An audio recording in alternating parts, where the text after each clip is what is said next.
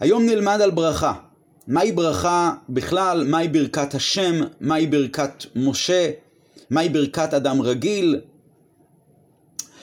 הכל בעצם מתחיל מפרשת השבוע, פרשת דברים, ספר חדש, ובתחילת הפרשה משה רבינו מדבר לבני ישראל ואומר להם את המילים האלה: השם, אלוקי אבותיכם, יוסף עליכם ככם אלף פעמים, ויברך אתכם כאשר דיבר לכם. זאת אומרת, משה רבינו אומר, בורא העולם, הקדוש ברוך הוא יברך אתכם, יוסיף עליכם כמו שאתם, ככם, פי אלף. והקדוש ברוך הוא יברך אתכם כאשר דיבר לכם, כמו שהשם כבר אמר לכם שהוא יברך אתכם, אז בוודאי הוא יברך אתכם. הפסוק הזה במדרש נדרש בצורה כזו. לפי המדרש יש כאן דו-שיח בין הקדוש ברוך הוא, בין בני ישראל למשה. בני ישראל באים למשה ואומרים ככה, אמרו לו ישראל, משה רבינו, רבינו משה, הקדוש ברוך הוא לא נתן קצבה לברכותינו, ואתה אמרת אלף פעמים? כלומר, הקדוש ברוך הוא כשהוא בירך אותנו הוא אף פעם לא נתן סכום קצוב, ואתה אומר, יוסף השם עליכם ככם אלף פעמים, אתם, אתה מגביל את ברכת השם, ככה הם אמרו. אמר להם, אז משה רבינו עונה, מה שברכתי אתכם, משלי ברכתי. כשיבוא הקדוש ברוך הוא, יברך אתכם כאשר דיבר לכם, הקדוש ברוך הוא יברך אתכם כמו שהוא דיבר לכם, שזוהי באמת, כמו שאתם צודקים, זוהי ברכה ללא שום קצבה. אז למעשה הפסוק הזה נדרש לפי המדרש כדו-שיח. יוסף השם עליכם ככם אלף פעמים, זו ברכת משה. ויברך אתכם כאשר דיבר לכם, זו ברכת השם. נשאלת השאלה, אם הקדוש ברוך הוא מברך, והברכה שלו היא ברכה ללא שום קצבה, אז מה מוסיפה ברכת משה, יוסף השם עליכם, אלף פעמים? הרי בכלל מתי ימנה? אין שום נתינת מקום לברכה שהיא ברכה מוגבלת, כשיש כבר קיימת, בעולם קיים, ברכה לא מוגבלת. אז יש כאלה מפרשים שרוצים לענות שהמעלה של ברכת משה היא שברכת הקדוש ברוך הוא היא חלה, היא אמנם לא מוגבלת, אבל היא מוגבלת בתנאי. כלומר, הברכה עצמה היא ברכה ללא קצבה, ללא גבול, אבל זה תלוי בזה שבני ישראל יקיימו תורה ומצוות. לעומת זאת, ברכת משה, אמנם היא ברכה שהיא ברכה מוגבלת, אלף פעמים, אבל היא לא, תלו, לא תלויה בשום תנאי. ככה יש כאלה מפרשים שרוצים לענות, וככה הם מסבירים את המדרש. וזה, הפירוש הזה, מתאים למה שכתוב בגמרא, במסכת יומא. הגמרא מביאה פסוק בהושע. אנחנו אומרים את הפסוק הזה בהפטרה לפרשת במדבר. בפסוק כתוב, והיה מספר בני ישראל ככל הים אשר לא יימד ולא ייספר. אז הגמרא אומרת, והיה מספר, או אשר לא יימד ולא ייספר. יש ספירה או אין ספירה. אומרת הגמרא, כאן, בזמן שישראל עושין רצונו של מקום. כאן, בזמן שאין עושין רצונו של מקום. זאת אומרת, מתי הברכה היא ברכה עם מספר, ברכה קצובה? זה גם כשאין עושין רצונו של מקום. אבל ברכת הקדוש ברוך הוא, שהיא ברכה ללא קצבה, היא חלה רק בזמן שישראל עושין רצונו של מקום. כך כתוב בגמרא. אז הפירוש הזה על המדרש, שלמעשה ברכת משה היא, היא לא תלויה בתנאי, וברכת הקדוש ברוך הוא הלא מוגבלת תלויה כן בתנאי, זה מתאים ממה שכתוב בגמרא. אבל כשאנחנו מתבוננים שוב בלשון של המדרש, אז אנחנו מבינים שההבדל שיש בין הברכה של הקדוש ברוך הוא, זו משלי, ברכת משה, מול ברכת הקדוש ברוך הוא, ההבדל הוא ששתיהן קיימות באותו זמן, ורק שהברכה שלי היא ברכה מוגבלת, וברכת הקדוש ברוך הוא היא ברכה לא מוגבלת, אבל שתיהן קיימות באותו זמן. כשאנחנו גם מסתכלים ברש"י, ורש"י מצטט את המדרש בלי להסביר שום תוספת, בלי לתת שום הבהרה, מה מובן? שרש"י לוקח את המדרש הזה כפשוטו של מקרא. כלומר, פשוטו של מקרא הוא שיש כאן דו-שיח. השם אלוקי אבותיכם יוסף עליכם ככם אלף פעמים. זו ברכת משה, שהיא ברכה מוגבלת, ובמקביל, ובאותו זמן, הקדוש ברוך הוא יברך אתכם כאשר דיבר לכם ברכה לא מוגבלת. אז עדיין חוזרת השאלה, למה צריך את ברכת משה כאשר כבר יש את ברכת הקדוש ברוך הוא ברכה ללא גבול? האמת היא שגם בפסוק שהזכרנו מקודם, והיה מספר בני ישראל אשר לא יימד ולא ייספר, מבלי להתייחס למה שאומרת הגמרא, שזה תלוי במצבים שונים, פשט הפסוק, והיה מספר בני ישראל אשר לא יימד ולא ייספר, המשמעות הפשוטה היא שזה לא מדובר בשתי, בשתי תקופות שונות, אלא שבאותו זמן של והיה מספר בני ישראל, יהיה ברכה של לא יימד ולא ייספר. אז זה באמת צריכים להבין את הרעיון הזה. מה נוגע לנו ברכת משה, כאשר כבר יש את ברכת הקדוש ברוך הוא?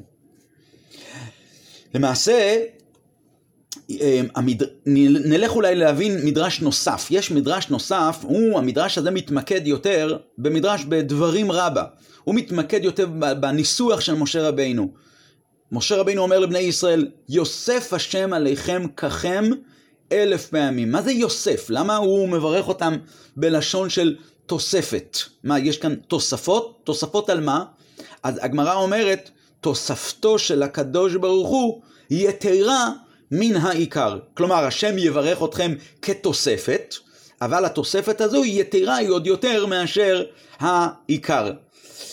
ככה כתוב במדרש. המדרש אחר. עכשיו, המדרש האחר הזה, גם הוא לא מובן. אם אומרים שהתוספת של הברכה של הקדוש ברוך הוא היא יותר מאשר העיקר, אז למה התורה מכנה את הברכה הקודמת בתור עיקר? כמו להבדיל, להבדיל, יש, את, יש ארוחה עיקרית ויש את התוספות, אז ברור שהארוחה העיקרית היא העיקרית והתוספות הן תוספות. אם אנחנו אומרים שהתוספות הן יותר מהעיקר, אז כבר היא לא עיקר לכאורה, היא כבר לא נחשבת למנה עיקרית.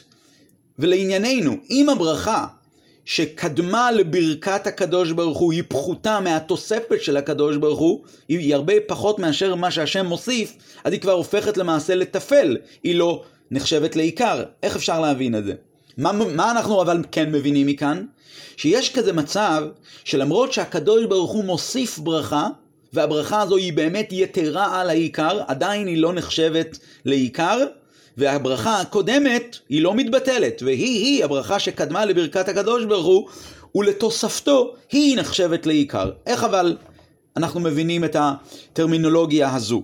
אז כדי באמת להבין את זה, נחזור עוד פעם למה שהגמרא אמרה מקודם, ש"והיה מספר אשר לא יימד ולא ייספר", כאן בזמן שישראל עושין רצונו של מקום, אז לא יימד ולא ייספר, ובזמן שישראל אין עושין רצונו של מקום, אז יהיה בבחינת מספר, והיה מספר בני ישראל. הבה וקצת נתעמק ברעיון הזה. בפשטות, עושין רצונו של מקום, או אין עושין רצונו של מקום, זה נשמע מאוד ברור. אין עושין רצונו של מקום, הכוונה היא עושים עבירות.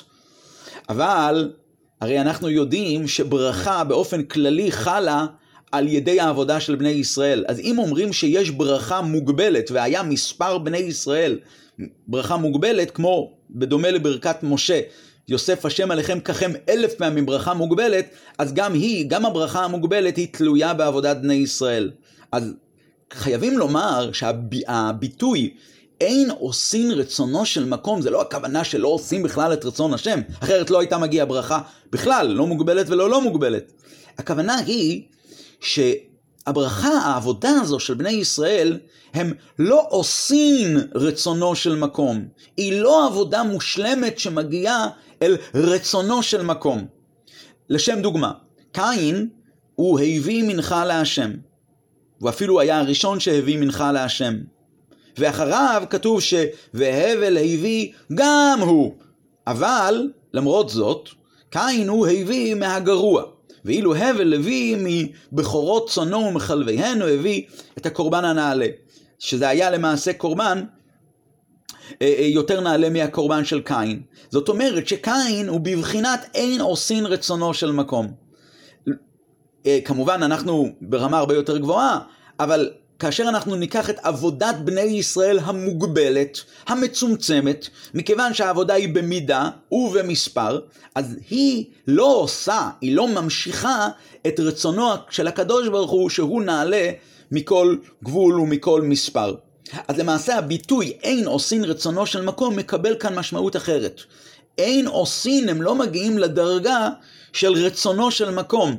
זה קצת מזכיר את מה שכתוב בספרים על ההבדל בין ברכה ראשונה, בין פרשה ראשונה של קריאת שמע פרשה שנייה של קריאת שמע, שבפרשה ראשונה נאמר, ואהבת את השם אלוק, אלוקיך בכל לבבך ובכל נפשך ובכל מאודיך. בפרשה שנייה כתוב, והיה אם שמות ישמעו על מצוותי אשר אנוכי מצווה אתכם לאהבה את השם אלוקיכם ולעובדו בכל לבבכם ובכל נפשכם, לא כתוב בכל מאודכם, לא כתוב בכל מאודיך. אז אומרת הגמרא, פרשה שנייה זה אין עושין רצונו של מקום. שוב אנחנו רואים שעבודה שהיא בבחינת בכל מאודיך, המאוד שלך, כלומר למעלה מההגבלה שלך, זה נקרא עושים רצונו של מקום. ועבודתו של היהודי כאשר היא לא בדרגה מוג... לא מוגבלת, אלא בדרגה, בדרגה מוגבלת, אזי זה נקרא, זוהי הטרמינולוגיה האמיתית של אין עושין רצונו של מקום. עכשיו נחזור חזרה ל... והיה מספר בני ישראל כחול הים אשר לא ימד ולא יספר, ולא יספר. עכשיו נבין את זה ברמה גבוהה, גבוהה יותר. והיה מספר בני ישראל. מספר זוהי עבודת השם של היהודי שהוא מקיים את המצוות. הרי המצוות ניתנו במספר, יש לנו תר יג 613 מצוות. והתורה באה ואפילו מצווה אותנו, לא תוסיפו ולא תגרעו, ולכל מצווה יש את הגבול שלה ואת השיעור שלה. אז והיה מספר בני ישראל, זוהי למעשה עבודת השם מוגבלת. עבודת קיום המצוות זוהי עבודת השם מושלמת, אבל מוגבלת. ולא יימד ולא ייספר, הכוונה היא לעבודת התשובה. ככה מסביר בעל התניא, שבעבודת התשובה זוהי עבודה כזו שהיא משיבה את הקדוש, את הבן אדם אל הקדוש ברוך הוא מעל כל ההגבלות שלו ומעל אה, ההשתלשלות ו... ולמעשה היא מתקנת את כל הפגמים של המצוות, של מה שהוא פספס בקיום המצוות, שהמצוות הן מוגבלות ועבודת התשובה היא עבודה שהיא נעלית ולא מוגבלת. אז לפי זה, והיה מספר בני ישראל אשר לא ימד ולא יספר, אם אנחנו הסברנו מקודם שבפשוטו של מקרא לא מדובר בשני עניינים שונים, אלא מדובר באותו זמן, אז צריך לומר ש... והיה מספר בני ישראל אשר לא ימד ולא יספר. המספר עצמו הוא באופן שלא ימד ולא יספר. מה זה בעבודת השם? מה אמרנו? שמספר פירושו של דבר מצוות. אז נכון, המצוות עצמם, שהן באמת מוגבלות, אבל באמצעותם, גם באמצעותם, עושין רצונו של מקום, אשר לא ימד ולא יספר, מגיעים אל דרגת רצונו של הקדוש ברוך הוא, שהוא נעלה מכל גבול ומכל אה, מוגבלות, מכל קצבה, אשר לא ימד, אשר לא יספר. והיה מספר, עבודת השם של היהודי, של בחינת מספר, המצוות, הוא מגיע באמצעותם לדרגה של לא ימד ולא יספר. אז מה באמת ההבדל? אם באמת גם על ידי קיום המצוות והיה מספר בני ישראל, אפשר להגיע לדרגת לא יימד ולא ייספר, אז למה צריך את עבודת התשובה? ההבדל הוא שבקיום המצוות ההשפעה הבלי גבולית שנמשכת כפידבק לפעולה של הבן אדם לא ניכרת בצורה גלויה. כי העבודה הגלויה היא עבודה מוגבלת. קיום מצוות עם תרי"ג מצוות, מצוות מוגבלות, לא כולן קיימות אפילו בזמן הגלות, וגם המצוות עצמם שכן, אז הם לא, הם לא בעל, הם, הם, הם, יש להם שיעור, יש להם זמן, יש להם קצבה. ולכן זוהי עבודה מוגבלת. עבודת התשובה היא בגלוי עבודה לא מוגבלת מצד האדם העובד. כשאנחנו רואים את הבן אדם שעושה את התשובה, אנחנו רואים בו את התכונה של הבלי גבוליות שקיימת בו. ולכן העניין הזה של לא יימד ולא ייספר הוא הרבה יותר בצורה גלויה. אבל באמת בשניהם, והיה מספר בני ישראל, גם העבודה של המצוות המוגבלות, גם הם ממשיכים את אשר לא יימד ולא ייספר. מה באמת ההסבר בזה? למה זה באמת בצורה כזו? הרי המצוות שהשם נתן, הרי המצוות הן גם רצונו של השם, אשר קידישנו במצוותיו וציוונו, הוא רוצה את זה. לעשות את רצונו. נחת רוח לפניי שאמרתי, ונעשה רצוני. והרי הקדוש ברוך הוא רצונו הוא הרי לא מוגבל. אז אם רצונו לא מוגבל, אז המצוות שלו הן גם כן לכאורה לא מוגבלות. רק מה? מכיוון שהוא לא מוגבל, אז באמצעות המצוות, באמצעות המצוות המוגבלות האלה, אזי יורד לעולם אור אלוקי לא מוגבל, ונכנס חז... לתוך הגבול ונכנס לתוך גדרי העולם ופועל את פעולתו. זאת אומרת, ההגבלה של המצוות, זה שהמצוות הן מוגבלות, זאת לא הגבלה מבחוץ, שהאור האלוקי שנמשך על, לעולם באמצעותם הוא אור אלוקי מוגבל. פשוט הן מצוות מוגבלות, אז הן לא מסוגלות להביא אור אלוקי לא מוגבל. להפך, בא הקדוש ברוך הוא והגביל את עצמו, זה נקרא בשפת החסידות הגבלה עצמית, כביכול. בא הקדוש ברוך הוא והגביל את הרצון, שהרצון האינסופי שלו, שהוא רצון לא מוגבל בכלל, הוא לא מוגבל והוא לא מוקצב, והוא יומשך על ידי פעולה מוגבלת בצורה כזו וכזו, במצווה כזו וכזו שנעשית בזמן מסוים באופן ובאיכות מוגבלת מאוד, ועל ידי זה יומשך, על ידי הפעולה הזו, יוכל להיקלט האור האלוקי הלא מוגבל לתוך העולם הזה, ולכן למעשה זאת לא הגבלה אמיתית, זו הגבלה שהקדוש ברוך הוא בעצמו עשה אותה. הוא כביכול, זה לא שמישהו הגביל אותו, חלילה, אלא שהוא בכבודו ובעצמו יצר את ההגבלה הזאת, ולכן לאמיתו של דבר זאת לא הגבלה אמיתית. מצד שני, ההגבלה הזאת היא הכרחית, כדי שהעולם, כמו שהוא, כמציאות מוגבלת, שהוא הרי לא יכול לקלוט את האור האלוקי הבלתי מוגבל, כי אם הוא, אם הוא יתפוס את האור האלוקי הבלתי מוגבל, הוא יתבטל מלהיות עולם, ומכיוון שעבודת התורה והמצוות הם קשורים אל העולם, אז הם חייבו, האור האלוקי חייב להיות מוגבל. אז זה, עכשיו נבין את עומק הפסוק, במשמעותו הפשוטה. והיה מספר בני ישראל אשר לא יימד ולא ייספר, המספר של המצוות. שהוא לא באמת הגבלה אמיתית. אתם נראה לכם ש"והיה מספר מצוות, עבודת המצוות היא עבודה מוגבלת? זאת לא עבודה מוגבלת באמת. מדוע? כי באמצעותם כן יורד לעולם, כן נשפע לעולם שפע בלתי מוגבל אשר לא יימד ולא ייספר. אלא שכאן מתעוררת שאלה מאוד כללית ובסיסית בהבנת כל הרעיון הזה של המצוות וההגבלה של המצוות. מה, מה בעצם אנחנו מבינים מכאן? שהתכלית של המצוות היא להביא אור אלוקי לא מוגבל, רצון השם, נעשה רצוני, והוא נכנס פנימה לתוך עולם הגבול. למה באמת עשה הקדוש ברוך הוא שהעבודה הזאת תהיה דווקא קשורה לעולם שלא יכול לקלוט אור כזה, ואז המצוות חייבות להיות מוגבלות כדי להוריד רצון אלוקי לא מוגבל לתוך עולם מוגבל. למה השם עשה שהעבודה הזאת קשורה דווקא לעולם שלא קולט? הקדוש ברוך הוא יכל לעשות שהעבודה הזאת תהיה קשורה לעולם שכן קולט. השם היה יכול לעשות בצורה כזו שהעולם כמו שהוא כן יקלוט אור אלוקי לא מוגבל. למה הוא צריך למה הוא עשה את זה בצורה כזו שהעולם חייב לקלוט אור אלוקי מוגבל ולכן זה מחייב שהמצוות תצטרכנה להיעשות על ידי האדם בצורה של מוגבלות. נקודת הדברים היא, זו נקודה עמוקה ורעיון עמוק, אבל נקודת הדברים היא שזה, שזה טעות בסיסית. זה, זה שהמצוות ניתנו למטה ובצורה מוגבלת, זה לא נובע מכך שהן פצ... פשוט חייבות להתקיים פה במקום מוגבל, כי בלי זה, אז לא, לא, לא ניתן לקלוט את האור האלוקי הבלתי מוגבל. לא, יש כאן הרבה, רעיון הרבה יותר עמוק. שיא ההתעלות היא לא כאשר קיימת דרגה של בלתי מוגבלות, לא ייספר בפני עצמה.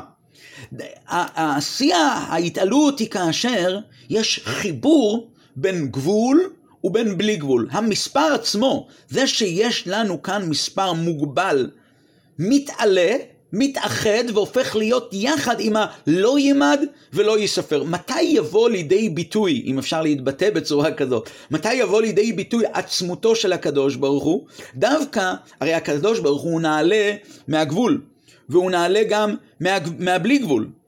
אז מתי יהיה את האפשרות מתי יש את האפשרות שהקדוש ברוך הוא, שהוא למעלה מהגבול ולמעלה מהבלי גבול, מתבטא?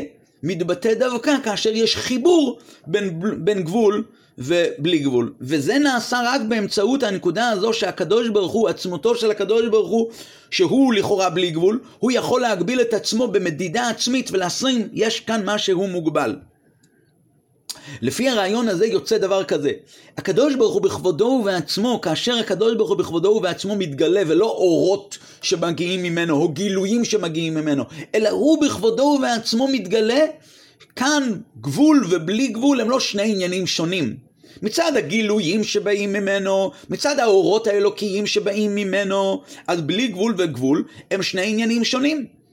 בא הקדוש ברוך הוא הבלי גבול, בא הקדוש ברוך הוא בעצמותו, בורא העולם בכבודו ובעצמו, והוא, יש, רק הוא ורק בכוחו, יש את האפשרות, הוא מאפשר פעולה כזו שזה חיבור של גבול עם בלי גבול ביחד.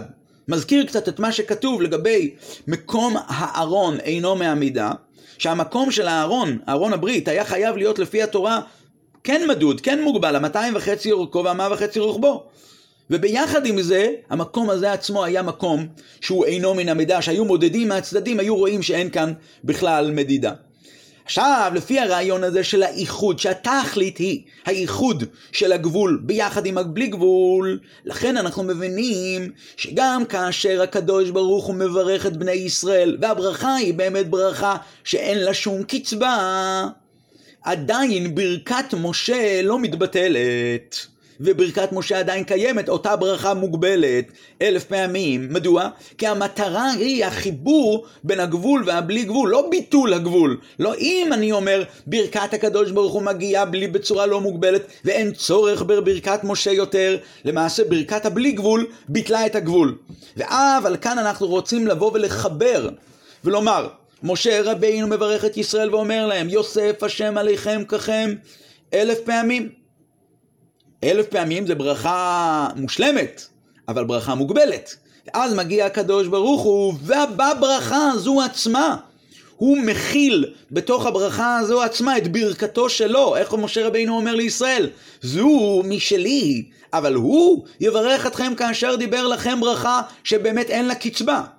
ואז למעשה הריבוי הזה שאין לו באמת קצבה הוא נכנס והוא מסוגל להיות לפי גדרי הבריאה, שגדרי הבריאה הם כן בעלי קצבה. לפי הרעיון הזה אפשר להבין משפט עמוק שנהג לומר הרבי הרש"ב, רבינו שולם בר, אה, אה, הרבי, הרבי הרש"ב, החמישי של בית לובביץ', שהוא אמר, כשהוא היה מצטט את לשון המדרש, המדרש המפורסם, למה נברא העולם? מה הרצון של הקדוש ברוך הוא בבריאת העולם? נתאווה הקדוש ברוך הוא להיות לו דירה בתחתונים. כך נאמר במדרש. בכל פעם שהרבי הרש"ב היה נוהג לחזור על, הבעל, על המאמר חז"ל הזה, על מאמר המדרש הזה, אז הוא היה מוסיף מילה. הוא היה, הוא היה אומר ככה, נתאווה הקדוש ברוך הוא להיות לו יתברך דירה בתחתונים.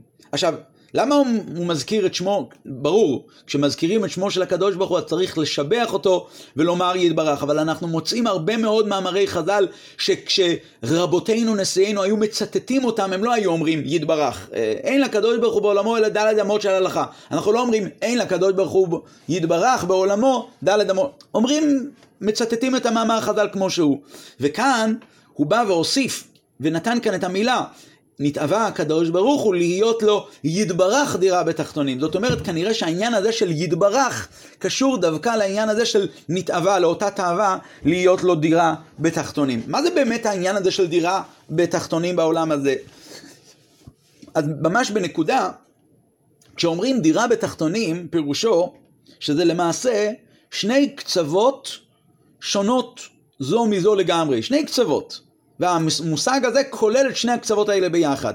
כשאומרים דירה, מתכוונים לומר שבעולם תשכון עצמיותו והמהותו של הקדוש ברוך הוא, שהוא למעשה בלי גבול.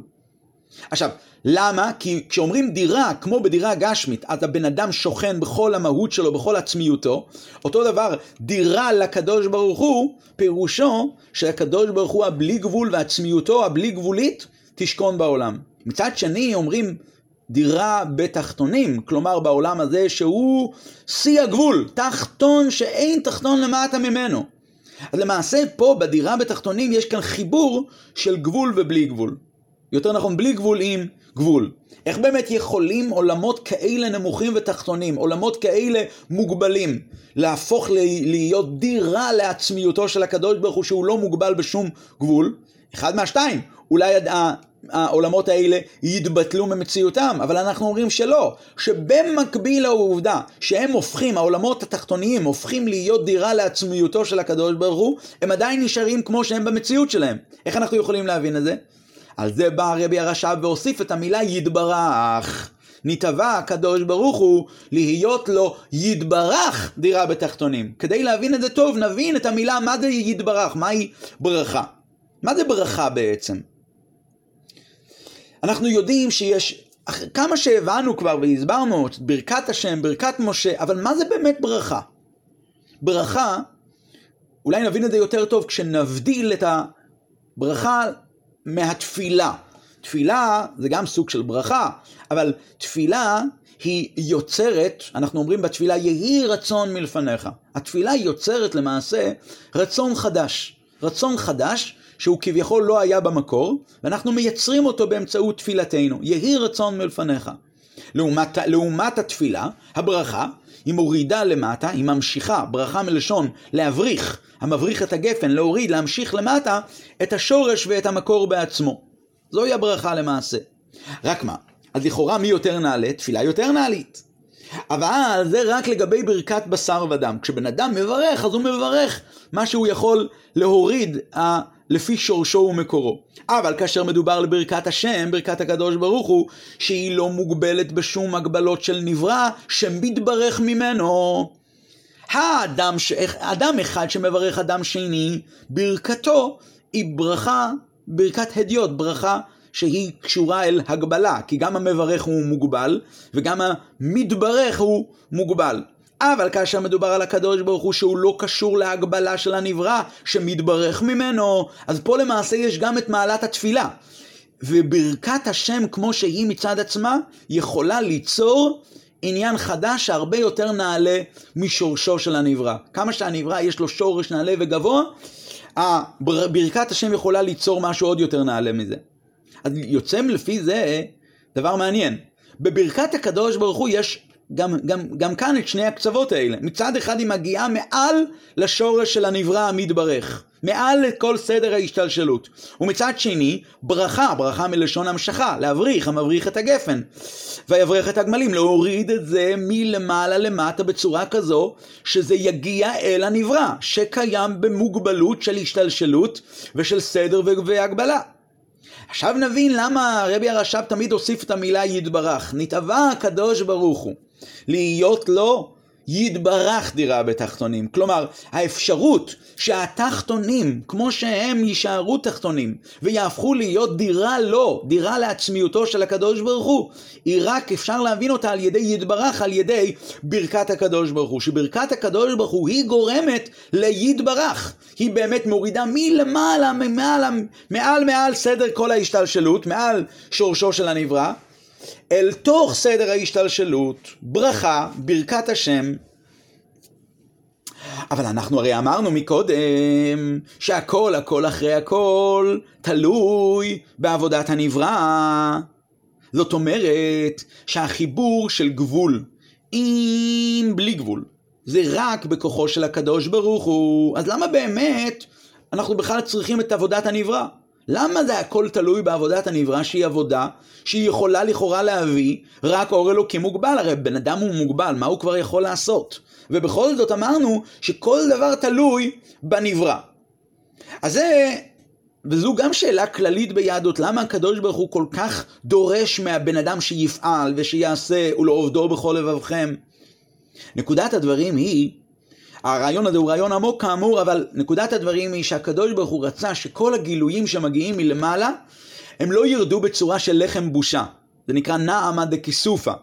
לחם שניתן ללא שום תמורה. הכל תלוי שבן אדם ירגיש שהוא כביכול פועל את העניינים ואז זה לא יהיה בבחינת לחם בושה, לכן כל ההמשכות שמגיעות מלמעלה, גם אותם אלה שמגיעות מעל לכל אה, שורש הנבראים, גם היא תלויה בעבודת האדם. ולכן העניין הזה של דירה לא יתברך בתחתונים באמת מגיע מלמעלה, יתברך, זה מגיע מלמעלה, אבל זה מגיע בצורה כזו שבן אדם מלמטה צריך לעשות כאן משהו. זה מגיע בדרך של מתנה, ועל מתנה נאמר הלשון בגמרא שהוא צריך עביד לעינייך לנפשי, הוא צריך לעשות לו את הנחת רוח.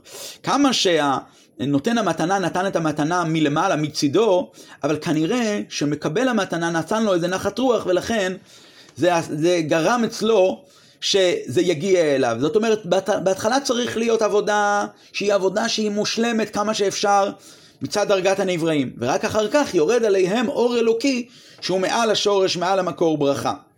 וזה באמת ההסבר לעניין של ברכת כהנים. כהנים מברכים את עם ישראל בשליחותו של הקדוש ברוך הוא, שהיא לכאורה ברכה שמעל לכל סדר ההשתלשלות. והשאלה שנשאלת היא, אם הקדוש ברוך הוא רוצה לברך את בני ישראל, למה הוא צריך את הכהנים? שיברך אותם בעצמו. הכוונה היא כאמור, שה...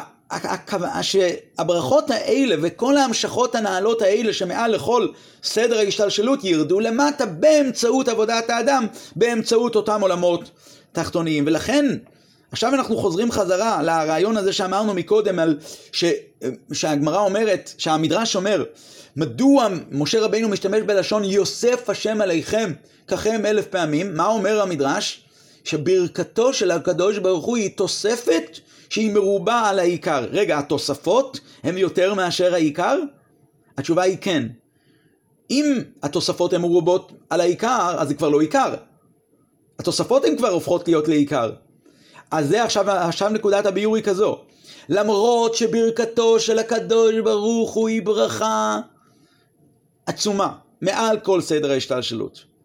אבל באמצעות ברכתו של משה רבינו היא גורמת כביכול את השלימות של הנבראים, והיא היא זו שגורמת כביכול שלימות בברכתו של הקדוש ברוך הוא. עבודת התחתון מצד עצמה, כמו שהיא, היא היא זו שמביאה את האור האלוקי הבלתי מוגבל, את הברכה, ברכה של הקדוש ברוך הוא, שהיא לא מוגבלת. ואז זה נעשה בצורה כזו שזה לא נעמה דכיסופא.